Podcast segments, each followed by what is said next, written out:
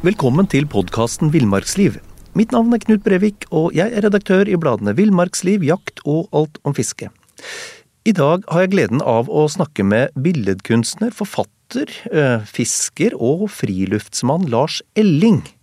Eh, og Lars, du er en av de få jeg har hørt om som har reist på fly med en fire kilos ørret teipa til innsiden av låret. For det er, det er, vanligvis helt andre ting man teiper fast på kroppen når man reiser med fly. Men vi skal komme litt tilbake til denne historien. Mm -hmm. Men aller først. Du, du har skrevet boka 'Fyrsten av Finntjern'. kritikerrost Kritikerost bok eh, som kom i fjor, allerede solgt i flere opplag. Den handler om to brødre. Den handler om Nordmarka, friluftsliv, fluefiske og det å klare seg ute. Hvordan dukka ideen til den boka opp? Ideen til uh, Fyrsten av Finnkjær har ligget der uh, i meg og i min families uh, mytologi i veldig, veldig mange år. men, men, med en annen klang. Fordi det var slik at min bestefar og min granonkel de vokste opp i en tid og under forhold som ikke oppmuntret til eh, degging med unger i varme omskroker. Man ble sendt til skogs isteden. Selv om det var en borgerlig familie, så, så ble man sendt til skog, skogs allikevel. Uh, for å herdes, da. Så disse to, de ble de ble kasta ut uh, da skolen var slutt, og så fikk de komme tilbake når skolen begynte på høsten. Og da skulle de helst ikke være hjemom i det hele tatt. De skulle ordne seg sjøl. Da starta de i Østmarka, og så bevegde de seg nordover gjennom Nordmarka og ble kjent i disse svære områdene rundt Oslo på den tiden, da. Og i min families øh, i min families historikk så har det alt vært holdt fram som en sånn hva man sier, sånn cautionary tale. Så når søsteren min og jeg har sittet og ja, klagd at det lukter røyk i bilen, og at det er, eh, at det er sånn elektrisk vegg-til-vegg-teppe i stua og sånt nå, så har de sagt at det er vel ingenting. Tenk på hvordan, tenk på hvordan bestefar hadde det. De måtte klare seg, så de var våte på beina hele tiden. De frøys om natta. Dere har det jo kjempebra. Dere har jo varmekabler på bad. Hva er det du klager over, egentlig?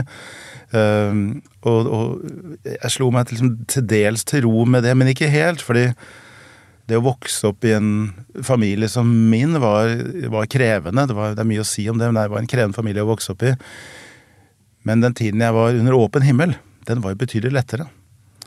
Så da jeg begynte å skrive på dette her, så var det med det utgangspunktet at det, tenk om det ikke var et helvete å være under åpen himmel med broren sin.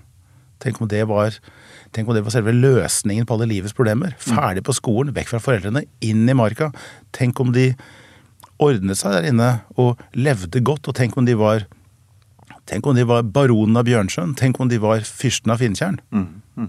Det er utgangspunktet for ideen. Det er der ideen ligger. ikke sant? Å liksom snu det. Mm. Jeg tror det var, det var sikkert både og, men jeg, med alle mine erfaringer fra tilsvarende situasjoner, så den enorme gleden ved det, den, det må de jo ha opplevd. Og dette båndet som bygdes mellom de to brødrene, mellom lillebror og storebror, det må ha vært så ubendig sterkt. Mm. Så hva skal til for å rive de fra hverandre? Det er det boka handler om. Og, så må det jo ligge Jeg tenker for, for, for, to guttunger som tilbringer mye av delen i, i, i, i store, store, deler av sommeren i marka, så må det jo ligge en veldig rask mestring her. Altså de blir raskt gode til å klare seg i marka. Ja, og det har vært veldig moro å skrive om. ikke sant? Altså Finne på hva de blir, hva de blir gode i. Og mm. hvordan de håndterer dette enorme området på utsiden av, av, av bygrensene. Byen som var, så bety, var, betydelig mindre på den tiden. ikke sant? Mm. Mm. Og marka som var noe annet enn den er i dag. For dette, før så var det en arbeidsplass. Det var ikke en sted du gikk på tur. Så man gikk litt på tur på, man gikk på skitur på vinteren i sånn i, i, i liksom i nasjonsbyggingen, mm. på en måte. Mm. Men uh, men sommer- og høstmarka, det var rene arbeidsplasser. Mm. Det, var, det var felling og fløting og, og, og ja, vinter også, for den saks skyld. ikke sant? Hest og slede, stier som har grodd igjen for lengst, mm. fraktveier, vassdrag og demninger som for lengst er borte, um, hustufter og setre og kyr og sauer på beite mm. steder hvor, hvor, de, hvor, det ikke er noen ting i dag, og knapt nok spor etter det. Mm. For Det er også et ganske morsomt poeng at for oss i dag så er det rekreasjon. Vi, vi, vi, vi reiser ut for å underholde oss selv, men du skal ikke veldig mange tiåra tilbake før folk hadde mer enn nok med å De måtte hvile. Altså de, de jobba, hadde mer enn nok med å, slappe av de når de ikke jobba. Ja, absolutt. Absolutt. Det Gikk ikke tur i marka, i hvert fall. Nei. det var det, siste, det var det siste du kom til å gjøre. Ja. Nei, og det, og det er også dette med matauk, ikke sant. Altså, det er jo Helt fra 1700-tallet, fra Bernhard Herre-tida, så er det jo vært satt ut ørret og alt mulig rart i småvann overalt i hele marka. Det er jo massevis av hemmelige tjern fortsatt. Som ligger utilgjengelig til, og det går mytologisk stor ørret.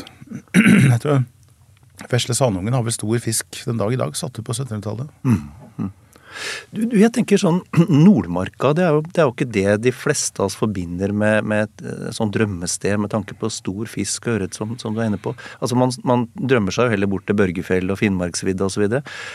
Tenker du at Nordmarka er undervurdert som, eh, som boltreplass for, for fiskere og friluftsfolk? Ja, Det kommer an på hvis du er veldig orientert om, om om fire kilos ørret teipa fast i låra, så, så, er det feil sted. Men, men hvis du trives med, med, med pannestørrelse ørret, så er det jo masse. Mm, mm. Så det har jeg alltid syntes vært det er mest stas. Liksom 250-300 gram på lett utstyr. Mm, mm. det er jo det, er jo, det holder finfint, altså. Det er jo stor stas. Faren din var, var, en veldig interessert sportsfisker. Ja, faren min var uh, Faren min vokste opp på eh, Sagene Bjølsen og kom fra ordentlig grå arbeiderklasse. Gifta seg med, med jente fra småbruk på Hadeland, og det ble sånn by og land, han-i-han-greie. Eh, men han hadde denne timingen at han er født inn i en tid hvor alt blir bedre. Hvert eneste år så blir ting litt bedre. Etterkrigsgenerasjonen. Ting blir bedre hvert eneste år. Og man trenger folk, og man trenger eh, folk med høyere utdanning, så han er den første som tar høyere utdanning. Så han tar NTH på kjemi og blir ingeniør. Og er ferdig akkurat året før det smeller i Nordsjøen. Hvem er det man trenger? Da trenger man kjemiingeniører. Mm. Så er det jo rett inn og begynne å jobbe for selv. Også med den, med den vanvittige klassereisen det gir, da. Men på NTH så Der gikk det folk med der røykte man pipe og leste Agna Mykle og hørte på Dave Brubeck og gikk i duffelcoat. Um, og fisket med flue. Det, så faren min han lærte seg det der. Altså han uh, droppet alle a-endelser. Det ble Begynte å si bananer for banan og karameller for karamell. Og, og, ble på en måte en, en, en, vestkantgutt. kan du si. Ble sosialisert inn i det. ikke sant? Folk som kom fra Madserud og Le. Gikk på NTH sammen med dem. Og uh, fiska vekk uh, store deler av studietiden sin. Levde av det en periode også. Levde av å fiske? Ja, ja, ja det var jo, det jo, På den tiden var jo en, Hvis du fikk låne et lite hval i Namsen, eller hvis du fikk altså en, en 19,6 kilos laks Den kunne du selge til Britannia, Hotell Britannia for et halvt studielån. Det var jo en enorm inntekt, ikke sant. Det er jo eh, ja, ja, fantastisk. Det er jo lenge før oppdrett, ikke sant. Så det er jo så um, prima laks levert til, eh, til, Trondheims beste restaurant, det, er, det har vært masse penger. Det var den tida hvor laks var en sjeldenhet? Ja, da, da var jo laks en luksuriøs ting, ikke sant. Det er jo Se på den derre hvor kong Olav på signingsferd, så reiser han jo land og strand rundt, ikke sant? og så prøvde de å si ja, men hva er kongens favorittrett, hva er kongens livrett? Og ikke si det da, ikke sant. Så han burde jo sagt ja, det er det som jeg blir servert. Men, men en gang så innrømmer han at det er laks og jordbær. Og da er jo det ødelagt for han. det blei ikke noe annet, da. Det blei ikke noe annet. Så det er kjempetabbe, ikke sant. Men der var jo laksen nemlig sånn, ikke sant. Altså all laks var villaks. Nå får du bladet Villmarksliv rett hjem i postkassa i tre måneder for kun 99 kroner. Send SMS VILL36 til 2205 og motta bladet allerede neste uke. Planning for your next trip? Elevate your travel style with Quince. Quince has all the jet-setting essentials you'll want for your next getaway, like European linen, premium luggage options, buttery soft Italian leather bags, and so much more. And is all priced at 50 to 80% less than similar brands. Plus, Quince only works with factories that use safe and ethical manufacturing practices. Pack your bags with high-quality essentials you'll be wearing for vacations to come with Quince. Go to quince.com/pack for free shipping and 365-day returns.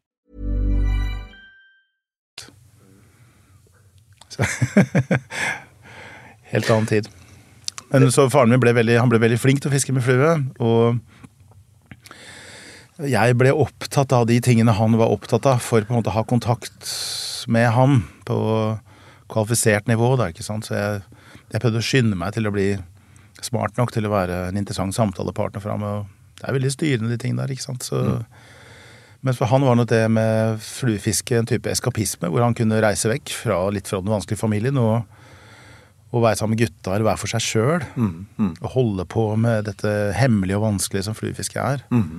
Det er jo så myteomspunnet, og det er så komplekst, og det er jo på mange måter umulig også. Ikke? sant? Sånn amerikanistisk måte å, å fiske på, da. Men Det er sitt eget språk òg, vet du. Eget språk også. Så, så f- han var veldig grepet og fascinert av det. Det koblet seg på en barndomsinteresse for friluftsliv, men også med en disiplin som var da veldig sofistikert, ikke sant. Så hvis han da begynte å jobbe i i Skjell og oppholdt seg i Lærdal lange perioder. Da kom det som en lakselord som også var, som var assosiert med oljebransjen som han da jobbet i. Og så kunne man da møtes i, møtes i Lærdal og så diskutere gassrørledninger der. Så, eh, så det var det beste av to verdener for ham på, på en måte. Og jeg liksom aspirerte litt til det, men egentlig Egentlig uten å få det noe særlig til. Altså det var eh, Han brukte ikke mye tid på å lære opp meg, altså. Så, Ok. Så mm, Men jeg hørte på det de fortalte. Jeg hørte Jeg hadde det liksom i periferien av syns- og hørselsfeltet hele tiden som en ting som jeg syntes på en måte var veldig attraktiv, men, eh, men hvor jeg sto på utsiden og kikka inn, da. Til jeg ble så gammel at jeg ga det opp, for da var, liksom, da var jo fatter'n teit og jeg måtte skulle flytte hjemmefra. Så det var sånn. Da, da ga jeg det opp. Men så har det kommet tilbake til meg i etterkant. Ok. F- Fikk dere noen turer sammen? Så? Vi fikk noen turer sammen. Vi, vi fikk noen veldig fine turer. Og vi, også den, denne eh, berømmelige colaturen, da. Med, med smuglerfisken. Kom tilbake til den, kanskje. Ja, vi kommer tilbake til den. Men du, jeg tenker eh, eh, Altså boka 'Fyrsten av Fintjern'. Den, din første bok, eh, det må vi også snakke litt om. For jeg er litt fascinert av det. Du, du, er, du er altså en, en velrenommert billedkunstner, og så bare bestemmer du deg for å skrive en bok. Litt, altså, på, på, på sett og vis så er det litt sånn, hva skal jeg si, respektløst. Bare- Å bare Ja. gønne på. Ja, på en måte kanskje litt det. For det føltes ikke sånn der og da, for da var vi jo nedstengt i pandemi, ikke sant. Så, det var jo, så alle gikk jo på veggen. Eh, så, så jeg valgte meg kanskje med en annen vegg å gå på, på en måte. Altså det Ehm, Jeg har jo trodd at eh, det å håndtere lange flater av, av ensomhet er en ting jeg takler godt, og det å ikke ha noen forventning forbundet med meg, og det å ikke jobbe fram mot en spesifikk dato, det å ha en deadline, det var heller ikke nødvendig. At jeg derfor kunne holde ut en lang Jeg kunne sitte på ildseng endeløst lenge så lenge jeg hadde ting å male og tegne, liksom. Men det, det viste seg å ikke stemme. Det viste seg at jeg, jeg tok den pandemien mye tyngre enn jeg hadde trodd. Som jeg, jeg følte voldsomt på sånne endetidstegn, og, og, og liksom at alt var over. Og meningsløsheten ved å stå, fortsette å stå og male. Og kanskje kunne selge et bilde ny og ne for å holde seg flytende ikke sant, til noen som bare skulle ha det på veggen. Hvis jeg var ikke interessert i det det hele tatt. Det er helt tydelig at jeg har vært interessert hele tiden i å jobbe en periode, komme opp med en bukett med bilder, sette de opp, og så gjøre en evaluering. Hvordan, hvordan har dette året vært? Hvordan disse halvannet årene jeg har jobbet med dette her, hvordan, hva, avspeiles i bildene? Og at det er publikum der. At det er publikum der som kommer inn og ser på det. Så det er min måte å sette et avtrykk i og synes i verden på, det er å få vist fram. Så når fremvisningen ble borte, og det bare ble en mer eller mindre salgbar vare som noen skulle ha på veggen, så mista jeg helt interessen. Det blir ikke den der toveis eh, Det blir ikke den kommunikasjonen? altså. Nei, jeg trodde ikke det var nødvendig, men det jo, jeg tenker jo aldri på publikum mens jeg står og maler. Det er, det, jeg har ikke noe, da har jeg ikke noe interesse av dem, og jeg prøver aldri å lage noe som jeg tror folk vil ha. Eller, det, det, det bare, jeg gjør akkurat det som faller meg inn. Jeg følger bare instinkt og liksom kallet, ka- kall på en måte. Det er jo det, er jo det for å si det litt høytidelig, så er det litt sånn. Men, øh, men øh, jeg trodde ikke at det publikummet var så nødvendig. Jeg trodde ikke at utstillingsåpningen var så nødvendig. og men jeg, jeg, sørga over det, at det ikke var mulig å, å vise. Og at jeg da for første gang i livet mitt siden militæret har hatt et år hvor jeg ikke har malt i det hele tatt. Altså ingenting. Um, så jeg fikk ganske raskt en sånn type kreativ forstoppelse, øh, kan du si. Så for å komme ut liksom hjemmefra for å få gått en tur, så gikk jeg til atelieret hver dag, og så var jeg der og gjorde ingenting. Så skrapte jeg ned palettene mine, så kasta jeg de penslene som var i bruk, og så satte jeg vekk alle ting. Alle lerreter på lager. Så det ikke skulle være mulig å jobbe der. Og så tenkte jeg prøve å skrive. Se om det går an. Se om det går an å skrive. Så flytta jeg det store skrivebordet som er mulig å flytte på, ned der hvor jeg vanligvis står og maler, slik at det ikke skal være mulig å male. Og satte en komfortabel stol der, og så, og så kjøpte jeg en Mac som jeg ikke trenger. Som var eh, uanstendig dyr og helt unødvendig, og som det ikke skulle være lov til å gå på internett med, blant annet. Så jeg lagde meg bare sånne regler, da. Dogmeregler som jeg måtte følge. Så måtte jeg komme klokka ni om morgenen, og så kunne jeg ikke gå hjem før klokka ett. Og så fikk jeg ikke lov til å sjekke mail eller gå på nett før klokka var ett. Uh, men jeg kunne lese hvis jeg ville. Så jeg kunne, jeg kunne sitte i den stolen kunne jeg lese skjønnlitteratur eller lese hva som helst ved siden av. Og så skal jeg prøve, helst prøve å få ned noe. Så, så, regelen min var at jeg måtte starte på nytt sted hver dag. Så, men uh, kunne ikke skrive videre på noe fra i går. Så jeg ikke lov til å lese det fra i går.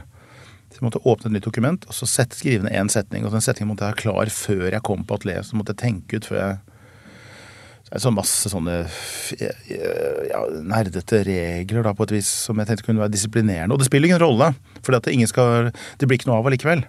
Det var det du tenkte? Ja, ja, ja, ja, det blir ikke noe av. Ikke nei. nei, nei, jeg skjønte at det var en, at det var en lek, liksom, men en lek med veldig spesifikke regler, og så, så blir det ikke noe av. Og når dette året er omme, hvis jeg har klart å sitte der så lenge, så har jeg kommet ut liksom med, med, med skoa ned og huet opp. liksom. Altså Jeg har kommet ut med en viss normalitet. Mm. Mm. Så jeg har klart å bruke hodet, jeg har klart å konsentrere meg om noe. Og, og, så det har vært en type sånn terapeutisk prosess, da, tenkte jeg, tenkte jeg det skulle være. Mm. Så etter noen Etter noen uker øh, er litt fire uker, kanskje. Så kjente jeg at det, noe jeg skrev, klang. Og så fikk jeg som helt vann i munnen av det. Så jeg kom til altså, vendepunkt. Jeg kom på en formulering som jeg ikke hadde huska sett før. Og så våknet en del av hodet som jeg ikke har brukt på den måten før.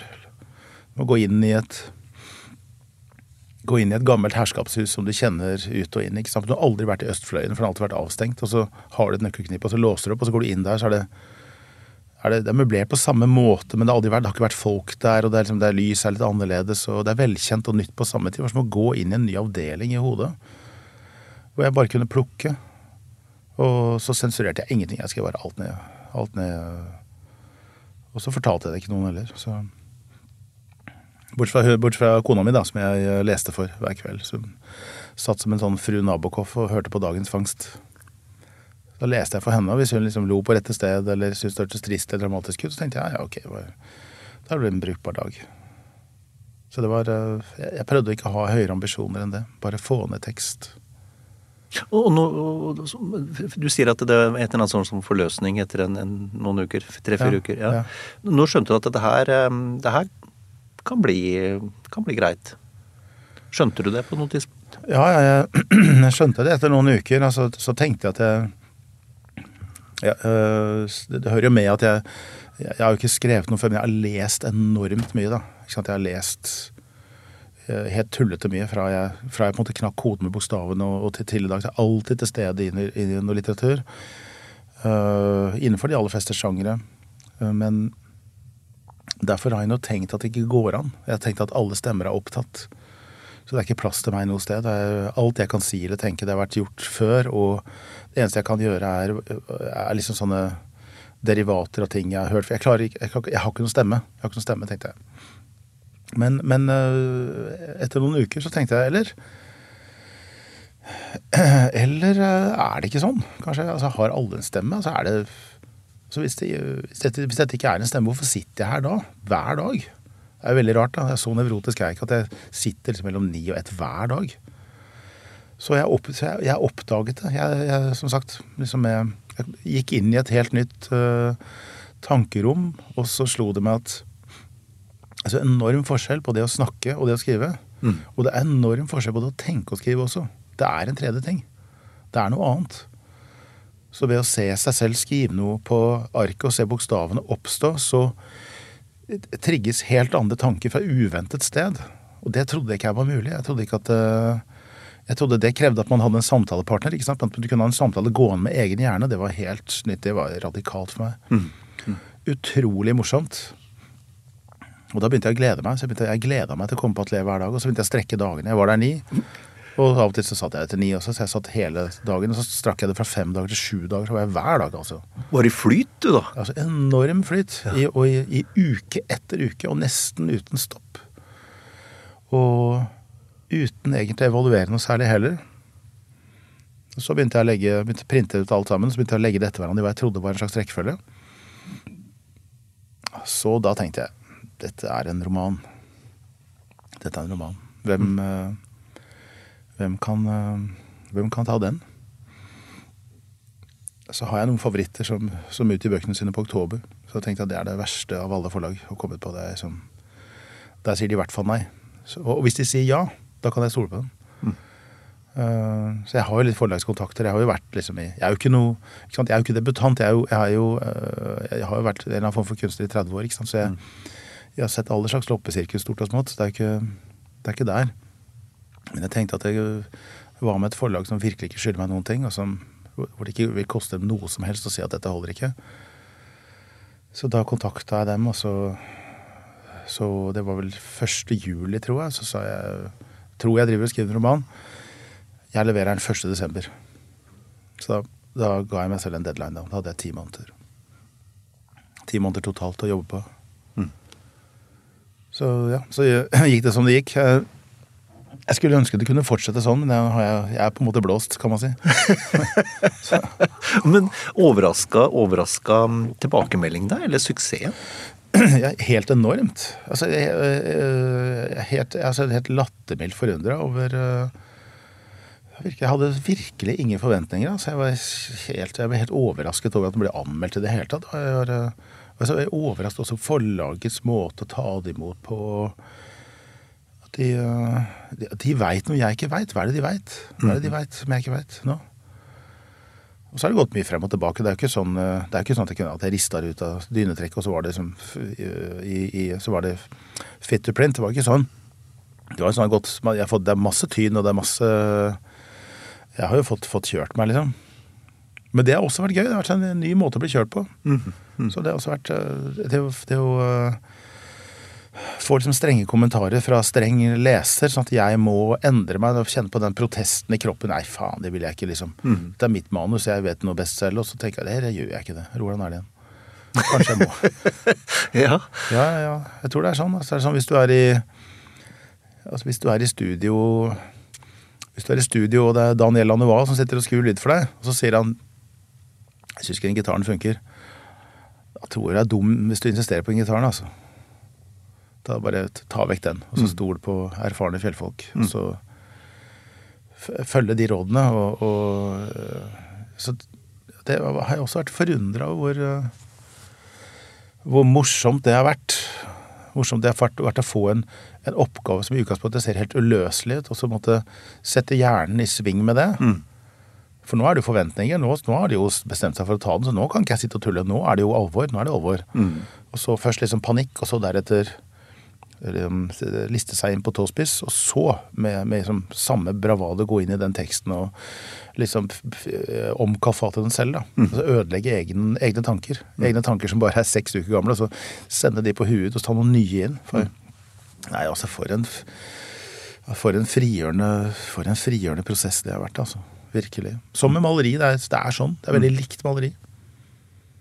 Alt kan endres underveis. Ingenting er hogd i stein. Du kunne fortsatt. Det er ikke sikkert du ender med den beste versjonen. Jeg tenker på um, altså Rent bortsett fra at det er en fantastisk fortelling, så, så, så dreier jo mye boka 'Fyrsten av Finntjern' Det dreier seg om litt sånn gammelmodig kunnskap. Det er, um, det, det, det, er snare, det er snarefangst av fugl, det er, det er, fisking, det er, det er bær. Uh, det er det å, å, å finne frosk. Um, altså, og, og, og, da tenker jeg, er du inne på noe der? altså Det her med selvberging har jo kommet veldig mye. altså Vi har nå en krig som raser i Europa, vi har en pandemi, det er liksom usikre tider. Um, du treffer jo et eller annet der òg? Ja, det er et eller annet der. Det er et eller annet der. Så det er sikkert, det er sikkert ikke tilfeldig at akkurat jeg skriver akkurat dette akkurat nå. Jeg synes det er synd. altså Faren min er død, dessverre. Det, og det, det syns jeg er leit, for han ville gleda seg så veldig over det her, Så, mm. Men kunne jeg skrevet den hvis han hadde vært i live? Det er ikke sikkert. Liksom Den gamles dødsfall er på en måte min fars dødsfall. Det var sånn det så ut, og sånn det føltes. Så det er, Det er um, Jeg kunne kanskje ikke gjort den før nå. Og hvis jeg hadde hatt han hengende over skulderen, så ville jeg sikkert jeg, jeg, jeg, Kanskje jeg ville holdt meg for mye til saken, at jeg ikke ville klart å dikte fritt nok. og men du sa det med tid. Tiden vi lever i. Det er helt klart det. Vi, vi, vi, lever jo i et Europa som er helt ute å kjøre på en helt annen måte enn jeg kan huske noen gang. Og hvor, hvor ja, tidligere avtaler er helt oppe i lufta. og dette uhyggelige med de endringene i øst og de store, store konsekvensene kommer til å få for oss også, over lang, lang tid. Altså, altså uoversiktlige forskjeller i vår måte å leve på, vår måte å tenke på sikkerhet og fred og, og jeg synes det, ja, det, er, det, er, ikke dumt å vite forskjell på en sjampinjong og en hvit fluesopp nå, altså. Jeg, jeg, ser bare i min omgangskrets og folk som tidligere uh, smilte litt skjevt av meg. Uh, for jeg, jeg, har alltid hatt litt liggende. Mm. Jeg tenkte sånn at det er greit det er greit å ha litt liggende. Hvis, hvis butikkene stenger på mandag, så er det greit å ha litt. Grann. Um, de smilte skjevt av meg tidligere, men de er nå på den tanken at nei, det, er, det, er, faktisk greit å ha litt hermetikk stående. De har gjort seg de tankene. Så jeg mm. tenker no, noe har skjedd, altså. Eh, sånn rent kollektivt også. Jeg tror det. Uten man skal liksom Sånn hysterisk eh, prepping og våpenhamstring, det er vel mer sånn amerikansk fenomen. Men, mm. men altså, prøv også å se litt lengre fram. og, og øh, ja, Bare at brød er noe du også kan bake. Du trenger ikke nødvendigvis å kjøpe det. Så sånne ting det tror jeg ikke er så dumt, altså.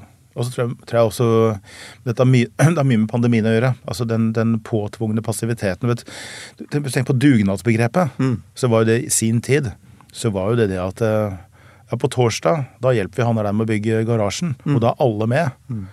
Og så står man og snekrer og holder på, og den kan det, og den kan det. En murer, en snekker, og en har bestilt uh, takstein. Mm. Så en ting man gjorde sammen i et fellesskap, og det kaltes dugnad. Mm. Altså, det ordets perversjon da, gjennom den tiden vi har vært igjennom nå, hvor dugnaden var å sitte ganske rolig, drikke på seg en fettlever mens du følger med på, får med deg hele Star Wars-universet i en tacosekk. Helt alene? Helt for jævlig, ikke sant. Altså helt alene. Mm. Og det kalles nasjonal dugnad. Mm. Altså giftigheten i den i, i endringen i, i, i det, det, ordets betydning. Mm. Det, er, det, er, det, er, liksom, det, er, et skremmende perspektiv, da. Mm. Og, og jeg, jeg tror at mange ja, mine lesere de har følt på en slags sånn dårlig samvittighet ved, å, ved, å, ved å, å, sitte og gnage på det der. Og, og, blir, liksom, man blir stimulert i sin passivitet ikke sant, å være enda mer passiv. Det gjør du, du, du slår et slag for landet og folket ved ikke å treffe folket. Mm, mm. Uh, og så har man kanskje lengta til det motsatte. Man har lengta til åh, tenk om vi var ute. Tenk om vi var en gjeng som var på tur. Mm. Tenk om vi var en gjeng som bygde en garasje. Så det binder seg litt til det. ikke sant? Og det er jo fra vår oppvekst så var jo verden sånn på en helt annen måte. Mm. Mm. Mye mindre Jeg hadde jo ikke curlingforeldre, og det blir sånn gubbepreik, men altså, det må jo til. Det er jo sånn det, det, vet du hva, det er, det er, faktisk lov når du runder 50. Det er det. Ja, men det er trist lell.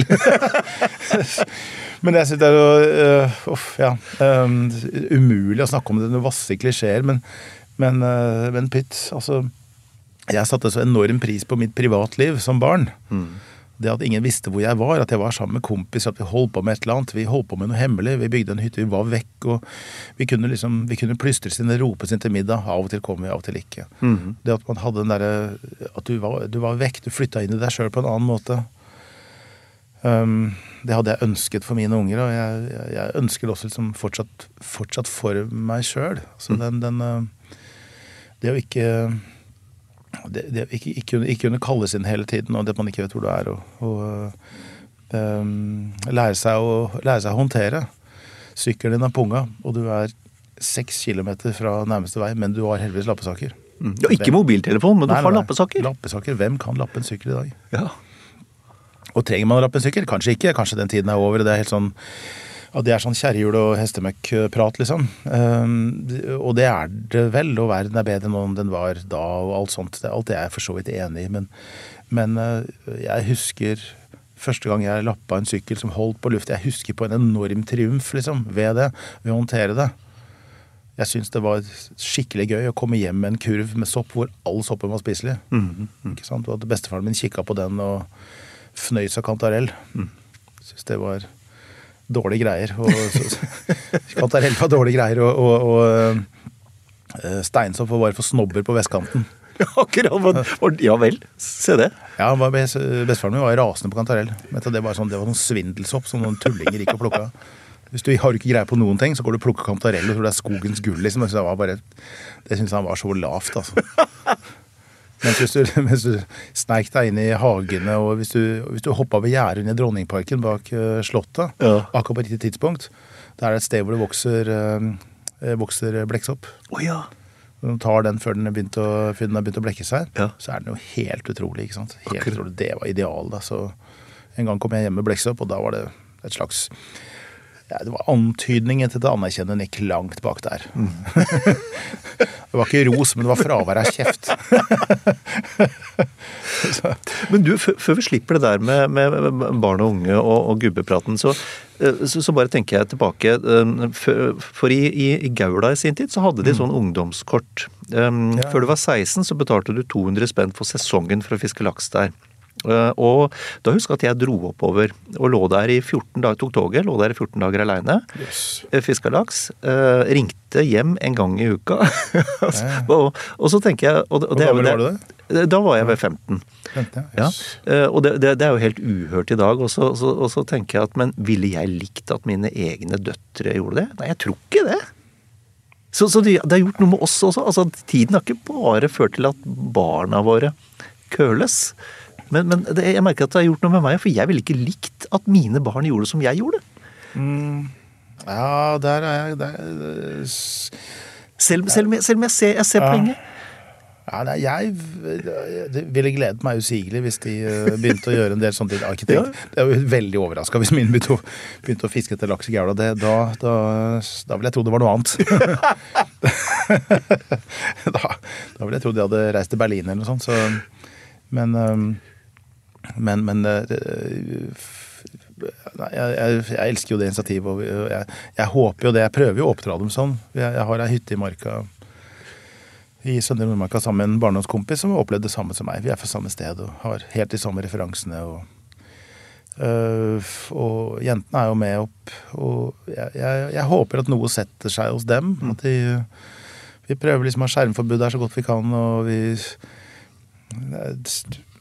ja, Vi gjør i hvert fall så, så godt vi kan leve et utmerket liv altså, som ikke er, har med, som ikke er den derre ute, ute i skogen-type liv heller. Men det er mange måter å Det er mange måter å glede seg på. Det er mange måter å Altså mange typer belønning. Og et, eh, hvis, du, hvis du spiser fiskemåltid på Le Bernardin i, i New York, så da, har du, da har du spist på verdens beste fiskerestaurant. Hvis du har fått et bord der etter å ha venta i seks måneder, og de har kvelden, så har du en opplevelse du, du, du aldri glemmer.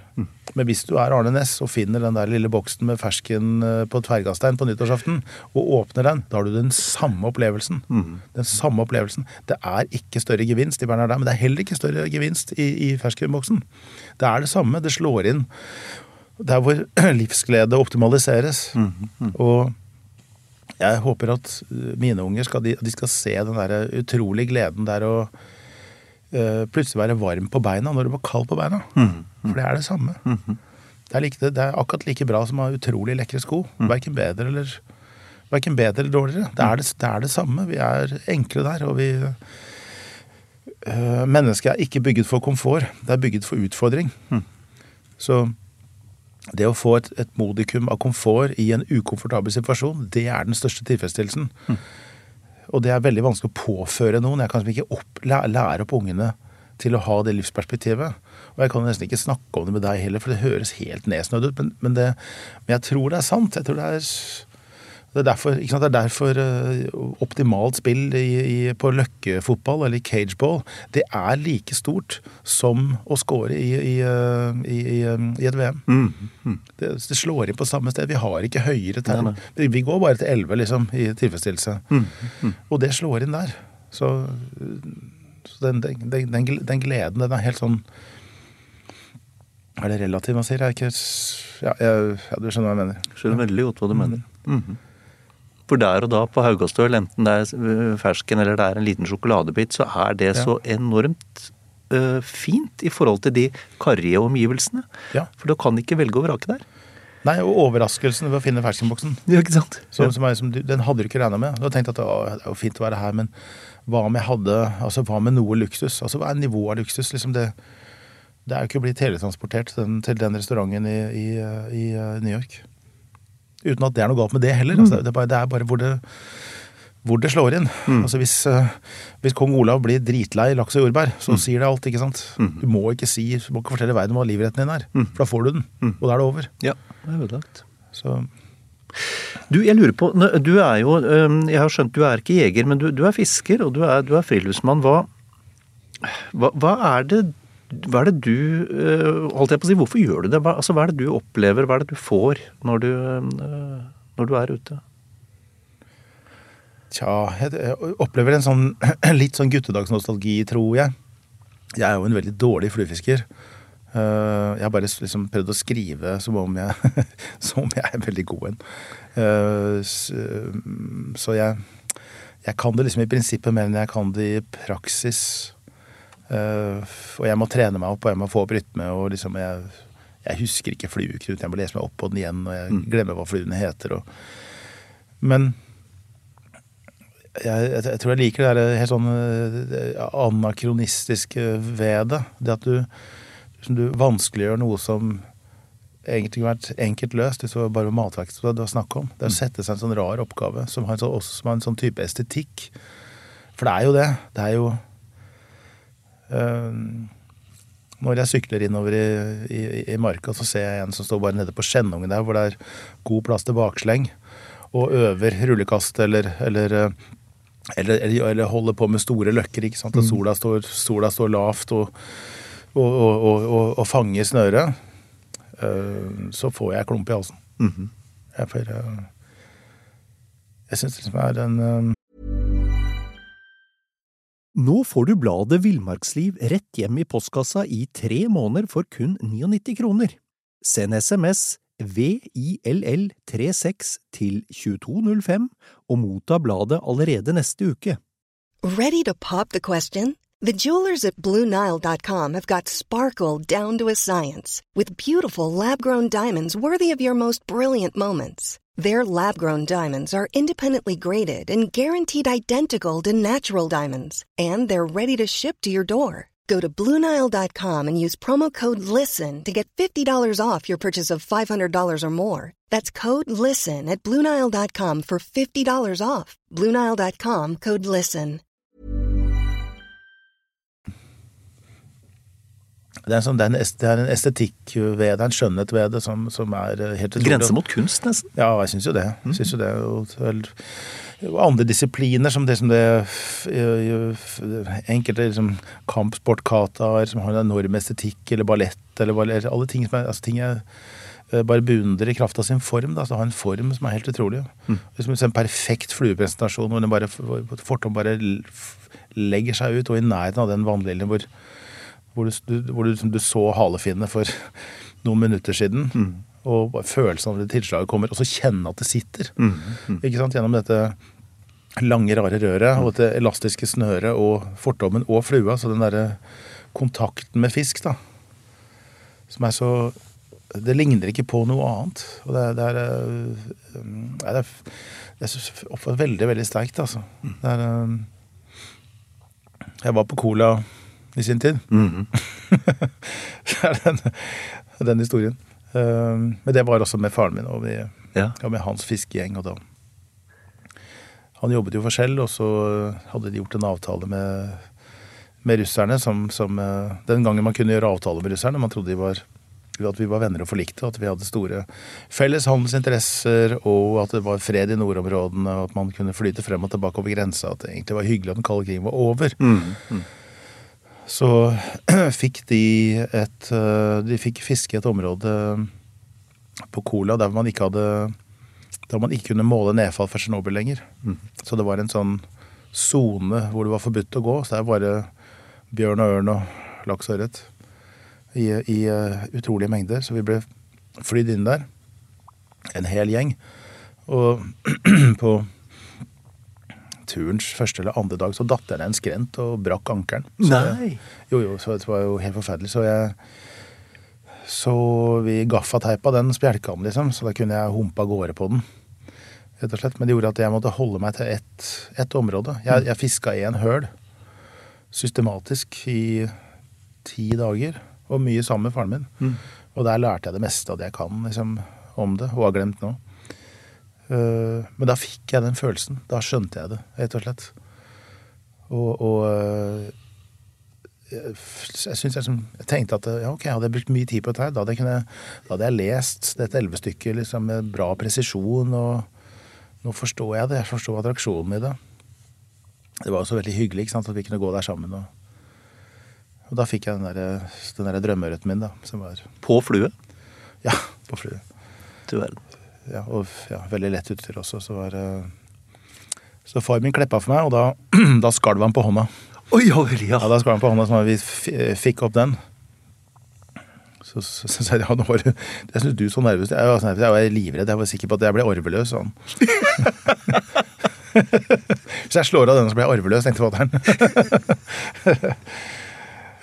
og den var eh, Den fisken ble helt spesiell, fordi at det, var så eh, Vi kunne, ikke ta med fisk ut, så vi kunne bare ta det vi spiste. Og i og med at det ble tatt så enormt mye, nesten 1000 kilo, så eh, over 14 dager eller hva det var, så så ble det sånn limit på størrelsen på fisk, da. Og det syns jeg var forsmedelig, som omtrent ikke hadde fått fisk på flue før. Nei. Så jeg fikk jo halv kilo sørp. Nei, det må ut igjen.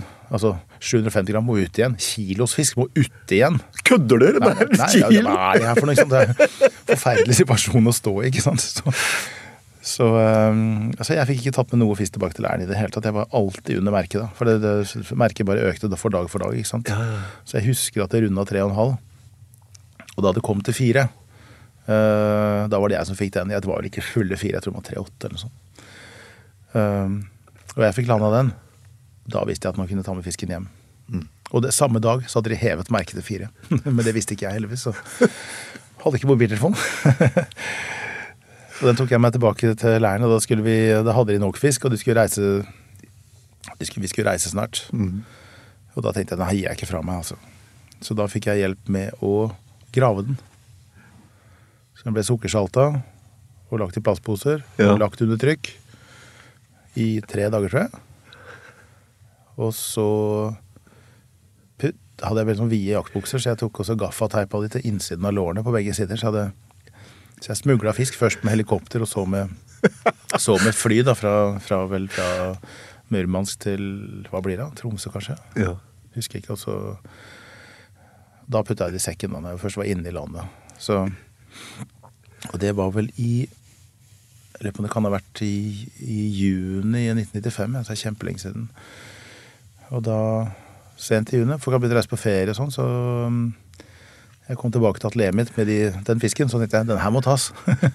så da, da ringte jeg alle som jeg visste var hjemme. Og så ble det utgangspunktet for mitt legendariske rakfisklag, da, som eksisterte dag i dag. Så det er 27 år, liksom. Men den første er da kroppsmugla inn. Ja, ja. Har du, har du noensinne vært i nærheten av noe så stor fisk siden? Nei, aldri. Nei. aldri. Nei, nei, jeg har hatt på en brukbar size laks en gang som jeg måtte løpe etter, med, som slo seg av. Men jeg, men jeg har aldri sett det i uh, Jeg er det bortsett fra andre land. Jeg har fått uh, barracuda på 8 og 9 kilo. Og, så jeg, jeg har fiska det litt ute. Mm, mm. Kasta til bonefish i Belize og fått dem på, men de datt av. ja, de har, de har jo en tendens til, å en tendens til å gjøre det. Ja, det er det. Du, jeg, jeg tenker på um, Bare kom litt eh, sånn når vi nærmer oss slutten her, litt inn på boka igjen. Så du innleder den med en, en, en, en sånn, sånn rørende nesten skildring av det korte, men hektiske livet til ei døgnflue. Mm. Fantastisk skildring. Um, ja, så tenker jeg, hva, hva er den sterkeste naturopplevelsen eh, du har hatt? Ja, det er det. Ja. Det er det. Det er vulgataklekkingen. ja. Mm. Det har jeg, det har jeg sett mange ganger. Uh, og, og ofte bare ved et uhell. Det er jo, det er jo så, det er jo så uberegnelig òg. Og ofte så har ikke jeg visst hva som, hva som klekker. Jeg har bare sett at det, det skjer noe helt utrolig. ikke sant? At sola står akkurat sånn at det plukker det opp, og at det river seg løs fra skallet, og at det står og vimrer på vingene. ikke sant? Og uh, det, det er jo helt utrolig. Og så er de jo så, de er jo så fine òg, med det vingen står rett opp, og det lange, det lange halesløret. og Det er så estetisk. Jo, det er også et sånt ledemotiv i den boka. Det er jo at eh, den, den het jo i sin tid altså Arbeidstittelen var alveklekking. Eh, så jeg hadde jo en idé om at eh, det skulle være en gutt som ikke var helt på plass i huet, og som hadde forlest seg på Peter Pan, og som opplever dette Han ser disse tingene, disse fluene klekkes, og så tror han at det er tingeling nærmest. At han liksom misforstår der, og da blir da er liksom fisken djevelen, på en måte. Det underjordiske, undersjøiske. ikke sant? Så det er veldig uhyggelig, da. Så, så det, det hadde jeg som et sånt Hadde en idé om det som jeg ikke visste hvordan jeg skulle få inn. Og ellers har jeg brukt folk jeg kjenner, folk jeg kjenner litt, folk jeg skulle ha kjent, eller, og mye meg sjøl også, ikke sant, disse erfaringene. Det er jo også litt underresearcha. Det er jo basert veldig mye på ting jeg husker. Um, fra oppvekstår, og ting jeg har lest, og ting jeg, folk har sagt i forbifarten som henger seg fast. Jeg har, litt sånn, jeg har litt sånn klisterhjernetendens på ting som interesserer meg. Så jeg, jeg, jeg, har brukt det, og siden mye av historien er sett gjennom øynene på to småtasser, så er det ikke å forvente at de vet akkurat hvor de er på kartet eller sted, tiden, ikke sant. Så det kan man jo finne på. Man kan tillate seg litt? Ja, man kan tillate seg litt. Og, så, og terrenget har jo endret seg enormt ikke sant, på disse årene. Siden da. Så, så, man kan jo komme gjennom med Bare se på kanskje. Det er logisk at det går en sti der. Og jeg tror setera til Blankvannsbråten fortsatt ikke er funnet. Man vet ikke hvor den er, tror jeg. Nei. Nei, jeg er ganske sikker på det, men jeg leser et eller annet sted at, den, at de, der er det ingenting igjen. Og det er jo selvfølgelig fordi at når den rives og finner i steinene, så blir den til et gjerde eller til en ny husdrift et annet sted. Så alt brukes videre. Men selv en så kjent gård som Blankvannsbråten seter, den er, vet man ikke hvor det er, altså. Ting oppstår og blir borte, og historier kommer og går, stier, tråkkes opp og gror igjen på kort tid. Så dette er um, Jeg hørte at du, du knakk, eller du ødela nakken din under research. eh. Nei, ikke nakken. Jeg knuste kragebeinet og skulderen. Og Ja, ribbein og forskjellige ting. Ja. Det var et uh, sykkeltur fra Grua og nedover for å, uh, for å undersøke Bjørnsjøvassdraget. Så det mot helvete og hengebroa og sånt nå. Så det var vel ved Gjerdingen tent, så bare så sto forhjulet mitt fast, og så gikk jeg over eh, full 360. Jeg så helt til Sunnaas, faktisk, en lite sekund. Klar sikt til Sunnaas før jeg landa. Han jeg sykla sammen med, han visste at jeg var dau. Altså, det, var liksom, det, det var forferdelig. Så, så våkna jeg opp på Innlandet sykehus øh, og husket deler av familien, men ikke hele. Var- Ja, for du, du, du, du mista bevisstheten i Mista bevisstheten og, Ja. og, og øh, øh, hadde mista hukommelsen over en ganske lang periode. Så er, nå er det ikke så mange minuttene jeg ikke har lenger. Det beste har kommet tilbake. Jeg tror jeg mangler ti minutter, kanskje. Men, øh, men øh, øh, det beste andre har kommet tilbake, så jeg har ikke fått noe Så jeg har fått nytt, flott kragebein da, av titan. Det er mye finere enn det som var. Oppgradert til øh, Du, jeg, jeg tenker um, um, Blir det flere bøker? Eh, Jeg, jeg prøver. Jeg, jeg holder på med det nå, som er noe helt annet. Jeg prøver å skrive en historie om uh, en slags liksom sakprosa uh, um, Sakprosabiografisk skjønnlitterær hybrid om uh, tilblivelsen av en Tilbringelse av, av en plate, rett og slett. Handler om musikk. Handler om musikk og psykiatri.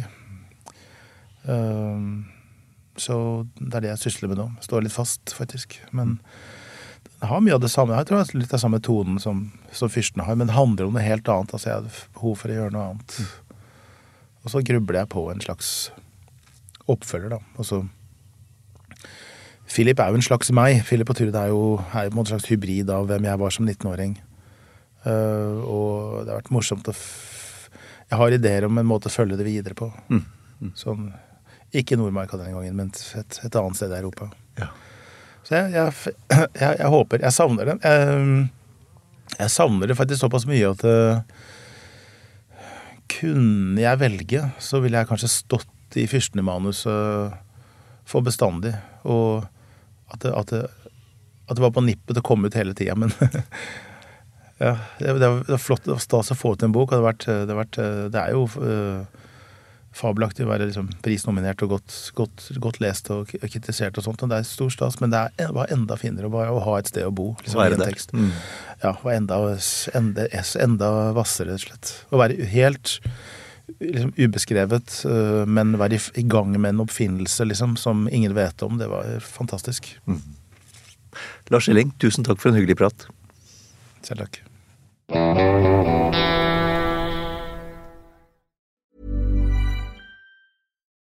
Nå får du bladet Villmarksliv rett hjem i postkassa i tre måneder for kun 99 kroner. I Villmarksliv kan du lese om norsk natur, ærlige tester av klær og utstyr, og mange gode turtips skrevet av erfarne friluftsfolk, fiskere og jegere. Send SMS VILL36 til 2205 og motta bladet allerede neste uke. Lev livet villere med bladet Villmarksliv. Planning for your next trip? Elevate your travel style with Quince. Quince has all the jet setting essentials you'll want for your next getaway, like European linen, premium luggage options, buttery soft Italian leather bags, and so much more.